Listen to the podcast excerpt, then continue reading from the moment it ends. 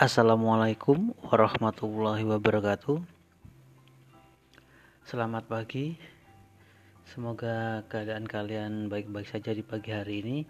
Sebelum kita memulai pembahasan kita pada pagi hari ini, marilah kita berdoa. Berdoa dimulai.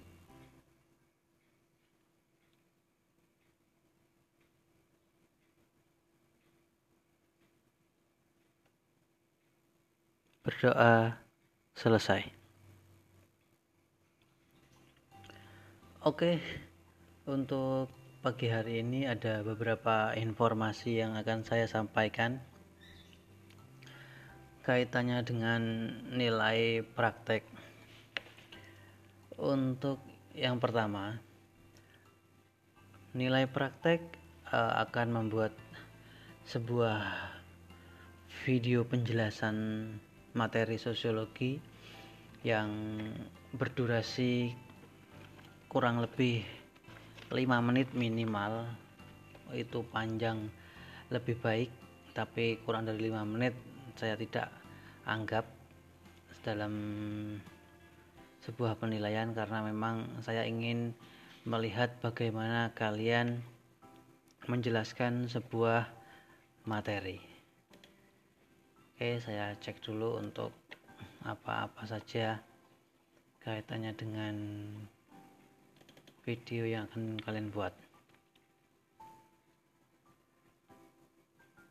Yang pertama, tugas dibuat dalam format video berdurasi panjang, minimal 5 menit, lebih panjang, lebih baik. Jadi lebih dari 5 menit itu akan jauh lebih baik. Kenapa kok saya memintanya kurang dari 5 menit? Saya ingin melihat bagaimana kalian menguasai sebuah materi dalam pembelajaran? Apalagi ditambah dengan uh, keahlian kalian untuk ya melihat tidak melihat sebuah panduan dalam pembelajaran. Ketika saya belajar uh, luring atau belajar di kelas itu ujian itu selalu ada yang namanya ujian uh, menjelaskan tanpa melihat sebuah buku dengan pengetahuan yang kalian miliki. Terus yang kedua adalah posisi kamera dalam perekaman itu posisinya landscape atau datar. Jadi bukan potret yang berdiri tapi yang datar agar uh, lebih enak dilihat. Yang ketiga, materi nanti akan saya berikan di Mupat Belajar. Silakan kalian unduh di Mupat Belajar materinya dan dalam materi tersebut kalian harus menjelaskan semua apa yang ada di materi tersebut. Dan apabila dirasa contoh di materi itu masih kurang silahkan ditambah dengan contoh-contoh yang real yang kalian temui di kehidupan sehari-hari atau boleh kalian cari di internet tentang contoh tersebut. Yang baru boleh silahkan ditambahkan untuk uh, memperjelas sebuah penjelasan. Yang berikutnya adalah yang keempat, pastikan suara terdengar dengan jelas ketika kalian mengambil sebuah rekaman. Jadi jarak suara dengan uh, layar itu harus jelas. Uh, terus contoh video silakan buka di YouTube saya. Jadi nanti saya akan memberikan uh, contoh video yang sudah dibuat oleh kakak kelas kalian uh, untuk menjelaskan sebuah materi. Jadi nanti silakan dibuka di YouTube, ada contohnya, ada dua contoh uh, baik kelas 1 maupun kelas 2 itu ada dua contoh. Mau yang mana saja boleh untuk diambil contoh boleh silakan. Uh, terus yang keenam video dikumpulkan maksimal tanggal 1 Maret ini tidak perlu lama-lama itu sudah cukup lama sebenarnya dari uh, waktu yang saya tentukan. Jadi cuma 5 menit sehari jadi nggak sampai sehari pun sudah jadi seharusnya tentang video ini. Terus oke okay, yang terakhir adalah video bisa di, dikirim melalui Google Drive. Uh, nanti kalian berikan linknya ke saya melalui WhatsApp jadi kirim saja linknya ke WhatsApp dan saya diberi akses untuk mendownload video yang sudah kalian buat dibuat. Atau kalian kalau susah ke Google Drive silahkan eh, video kalian di upload ke media sosial Instagram masing-masing eh, dengan keterangan ya nama ya kelas ya guru ya mapel ya hashtag dan lain sebagainya. Nanti saya berikan eh, keterangan di Mupat Belajar sebuah poster urutannya seperti apa jadi ingat video dikumpulkan tanggal 1 Maret sebelum kalian melakukan uh, penilaian tengah semester. Oke, itu untuk informasi yang pertama. Untuk informasi yang kedua, seperti biasa, nanti ada kata kunci. Silahkan kalian dengarkan uh, materi saya pada pagi hari ini. Untuk lebih jelasnya mari kita mulai saja. Karena oh ya satu lagi ini masih ada lagi. Untuk PAT eh PATP PTS penilaian tengah semester besok. Kalau tidak salah soalnya ada sekitar 25 pilihan ganda. Soal itu apa namanya materi kita yang kita pelajari saat ini. Itu untuk PTS dan untuk yang lainnya kita diinfokan di minggu depan. Untuk minggu depan sepertinya kalian akan ulangan harian satu jadi ini adalah pertemuan terakhir kalian untuk pembahasan. Minggu depan kita sudah mulai ulangan dan soal ulangan akan saya sampaikan di podcast ini juga.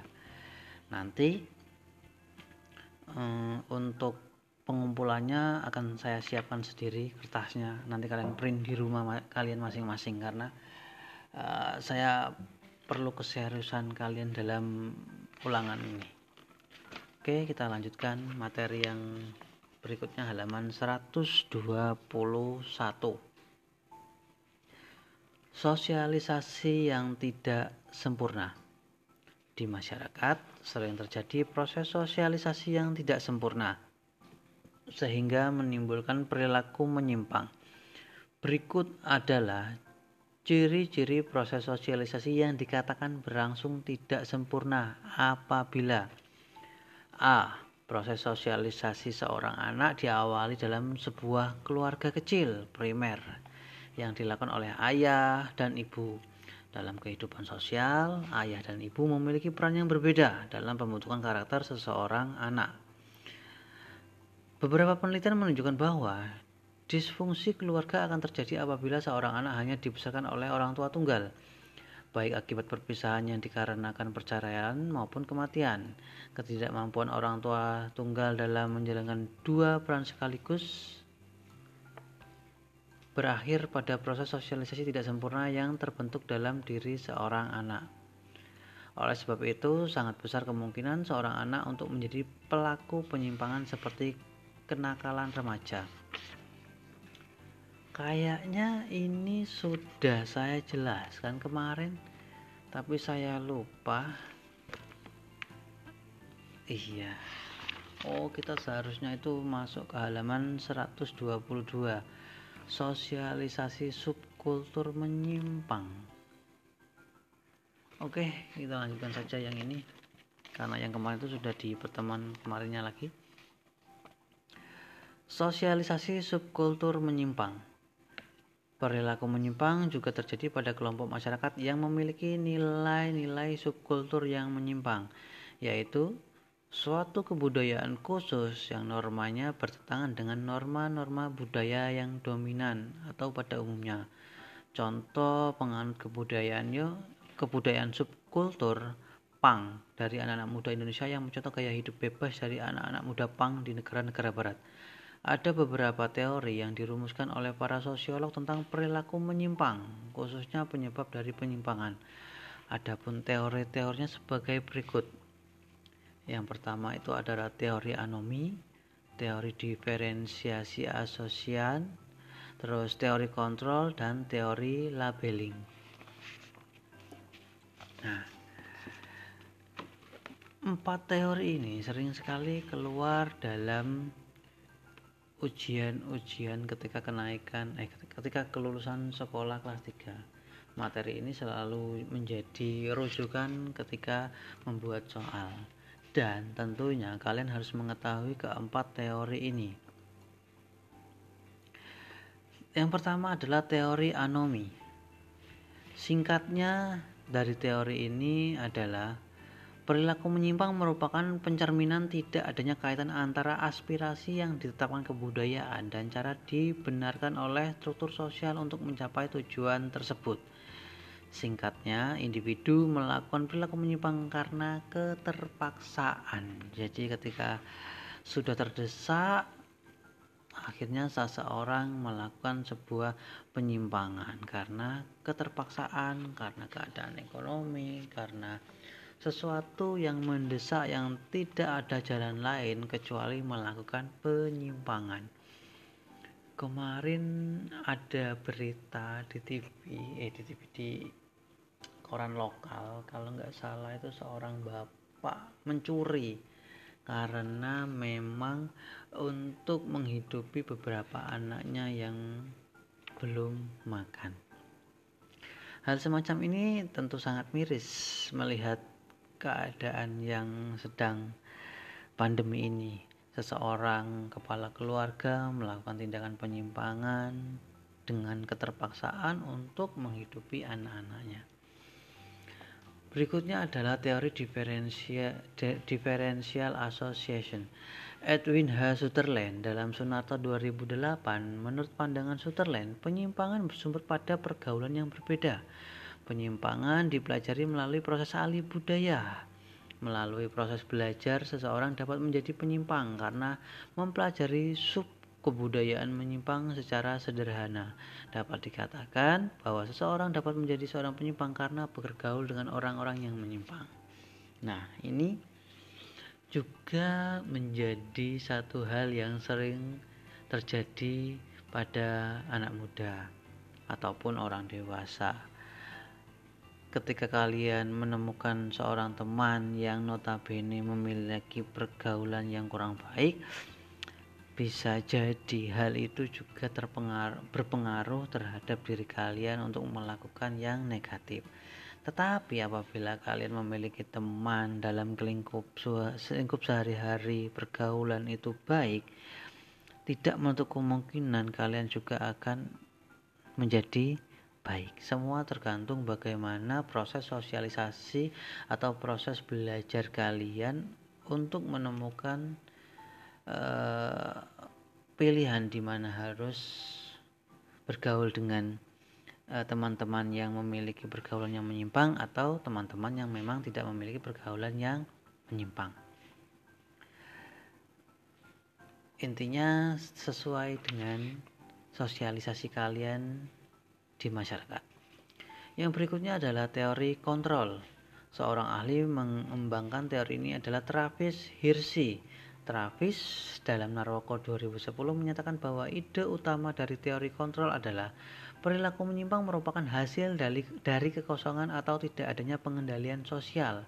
Teori kontrol dibangun atas dasar pandangan bahwa setiap manusia cenderung untuk tidak patuh pada norma dan memiliki dorongan untuk melakukan pelanggaran.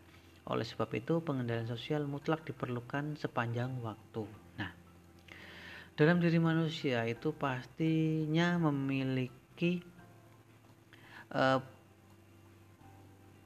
pandangan untuk tidak patuh terhadap nilai dan norma yang ada di masyarakat. Tidak usah jauh-jauh, kadang sama orang tua saja memiliki pandangan yang sama, tidak mematuhi apa yang dikatakan oleh orang tua apalagi dengan orang lain yang bukan orang tuanya sendiri. Banyak sekali remaja saat ini ketika diberitahu oleh orang yang bukan dari lingkup keluarganya terkesan acuh tak acuh, malah lebih galak dibanding yang memberitahu dan lain sebagainya. Padahal ketika seseorang sedang diberitahu, sedang dinasehati, itu tandanya orang tersebut masih cukup untuk disayangi dalam arti kata ya masih ada perhatian dari pihak lain sehingga uh, mutlak pengendalian sosial ini harus ada setiap waktu atau sepanjang waktu ketika manusia itu masih dalam posisi hidup. Apabila tidak ada pengendalian sosial, maka yang terjadi seseorang akan seenaknya saja berbuat eh, anarkis, tidak ada aturan, sakar PDW, terus eh, menganggap semua yang dilakukan itu benar dan lain sebagainya. Yaitu tadi karena tidak ada kontrol dalam eh, kehidupan dia. Oke, berikutnya adalah teori labeling. Menurut Edwin M. Lemart, seseorang dapat menjadi penyimpang karena proses labeling atau pemberian julukan, cap, dan etiket yang negatif yang diletakkan masyarakat kepadanya. Pada mulanya seorang melakukan penyimpangan yang oleh Lamart disebut penyimpangan primer, lantas orang lain memberikan berbagai cap negatif kepada dirinya. Sebagai tanggapan terhadap cap negatif tersebut, maka pelaku penyimpangan kemudian mendefinisikan dirinya sebagai seorang penyimpang dan melakukan penyimpangan sekunder. Nah, contohnya seorang anak yang pada mulanya hanya mencuri sepotong roti di lemari, namun setiap kali ada sesuatu yang hilang, seluruh anggota selalu menuduhnya sebagai pelaku. Lambat laun ia akan berpikir tidak mencuri pun ia dituduh sebagai pencuri. Lama-kelamaan ia terbiasa melakukan pencurian. Ya, ini sering terjadi pada kalian ketika di kelas mungkin uh, ketika ada bolpen yang hilang pasti selalu menunjuk orang-orang yang sama yang sering uh, mencuri bolpen. Padahal orang tersebut belum tentu mencuri bolpen. Lama kelamaan dengan julukan sering mencuri bolpen akhirnya ya mending mencuri saja dibanding tidak mencuri toh akhirnya akan dilabeli sebagai pencuri. Terus kita lanjutkan dampak negatif dan dampak positif dari perilaku menyimpang halaman 123 yang pertama itu dampaknya adalah tentunya adalah terkucilkan ini dampak negatifnya. Terus yang kedua adalah terganggunya perkembangan jiwa rasa bersalah terus kriminalitas terus terganggunya keseimbangan sosial serta pudarnya nilai dan norma. Itu adalah dampak negatif dari seorang yang melakukan penyimpangan. Jadi tindakan kriminal itu menimbulkan sebuah keresahan di masyarakat sehingga orang-orang yang e, mengalami hal tersebut ya kira-kira ya tadi terkucilkan di masyarakat, terganggunya perkembangan jiwa karena masyarakat tidak menerima ia dengan baik, terus memiliki rasa bersalah sepanjang waktu, terus kriminalitas, terus terganggunya keseimbangan sosial di masyarakat serta pudarnya nilai dan norma. Berikutnya, selain dampak negatif, perilaku menyimpang itu juga memiliki dampak positif. Yang pertama adalah mengklarifikasi batas-batas moral dan menegakkan norma. Yang kedua adalah menguatkan keutuhan kelompok. Yang ketiga itu adalah memberikan kesempatan bagi perubahan sosial. Dengan adanya perilaku menyimpang yang berdampak positif ini, Suatu kelompok tidak akan pernah bisa mengetahui sejauh mana nilai dan norma yang diyakininya dapat berfungsi secara efektif. Terus dengan adanya dampak positif ini mengakibatkan timbulnya solidaritas di antara anggota-anggota kelompok dalam menghadapi terus memberikan kesempatan bagi perubahan sosial apa yang kita terima atau yakini saat ini dahulu mungkin pernah dianggap sebagai penyimpangan. Perubahan sosial dapat terjadi karena adanya kelompok orang yang melakukan penyimpangan positif atas dasar keyakinan bahwa yang mereka lakukan benar dan bertujuan membawa masyarakat ke arah yang lebih baik. Berikutnya adalah halaman 125 untuk menanggulangi perilaku menyimpang, ada tiga jenis sanksi yang dapat digunakan. Adapun yang pertama adalah sanksi fisik, yang kedua adalah sanksi psikologis, yang ketiga adalah sanksi ekonomis. Sanksi fisik adalah sanksi yang mengakibatkan penderita fisik, penderitaan fisik pada mereka yang dibebani sanksi tersebut. Contohnya, ditahan, dipenjara, dibatasi aksesnya terhadap pemenuhan kebutuhan jasmani yang tidak dasar.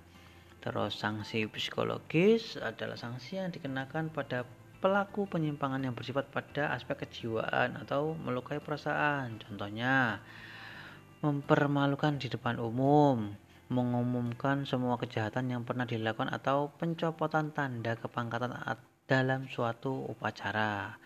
Yang terakhir, sanksi ekonomis adalah sanksi yang berupa pengurangan kekayaan atau pembatasan potensi ekonomi. Contohnya adalah pengenaan denda, penyitaan harta kekayaan, larangan melakukan aktivitas bisnis, dan seterusnya. Oke, kita lanjutkan lagi ke pembahasan berikutnya, yaitu adalah kenakalan remaja.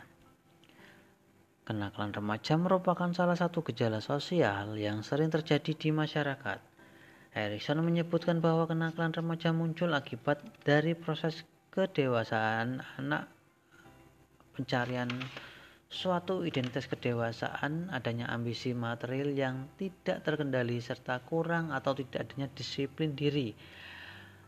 Adapun penjelasan dari ahli mengenai kenakalan remaja kita ambil salah satu saja yang pertama adalah menurut Sarlito W. Sarwono kenakalan remaja adalah semua tingkah laku remaja yang menyimpang dari ketentuan yang berlaku dalam masyarakat baik norma agama, etika, aturan keluarga, tata tertib sekolah, hukum dan sebagainya. Secara psikologis, perkembangan yang bernama Jensen membagi kenakalan remaja menjadi empat bentuk sebagai berikut. Yang pertama, kenakalan yang menimbulkan korban fisik pada orang lain. Yang kedua, kenakalan yang menimbulkan korban materi. Yang keempat, kenakalan sosial yang tidak menimbulkan korban di pihak orang lain. Yang eh yang ketiga tadi, yang keempat adalah kenakalan yang melawan status. Itu adalah empat bentuk kenakalan remaja menurut Jensen. Jadi kenakalan remaja yang menimbulkan korban fisik itu adalah perkelahian, penodongan, pembunuhan, dan lain-lain. Sedangkan kenakalan yang menimbulkan korban materi seperti pengerusakan, pencurian, pencopetan, pemerasan, dan lain-lain. Sedangkan kenakalan sosial yang tidak menimbulkan korban di pihak orang lain adalah penyalahgunaan narkoba yang digunakan oleh dirinya sendiri dan tidak merugikan orang lain. Yang keempat adalah kenakalan yang melawan status adalah mengingkari status anak dengan pergi dari rumah atau menentang status pelajar dengan membolos sekolah. Oke, itu tentang kenakalan remaja itu ada banyak bisa kalian baca sendiri saja karena ya ada yang di sekolah terus ada yang di rumah tangga atau keluarga. Sekarang kalian masuk ke halaman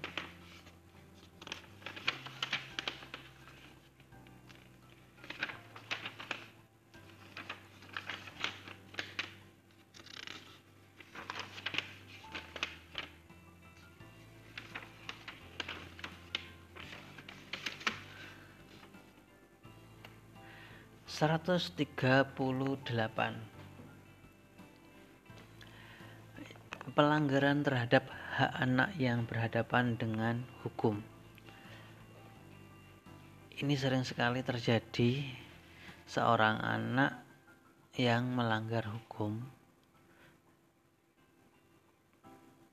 atau perbuatan yang dinyatakan terlarang bagi anak-anak dalam Undang-Undang Nomor 3 Tahun 97 tentang pengadilan anak disebut sebagai anak nakal, sedangkan yang dikategorikan sebagai anak adalah mereka yang telah mencapai umur 8 tahun tetapi belum mencapai umur 18 tahun dan belum pernah menikah.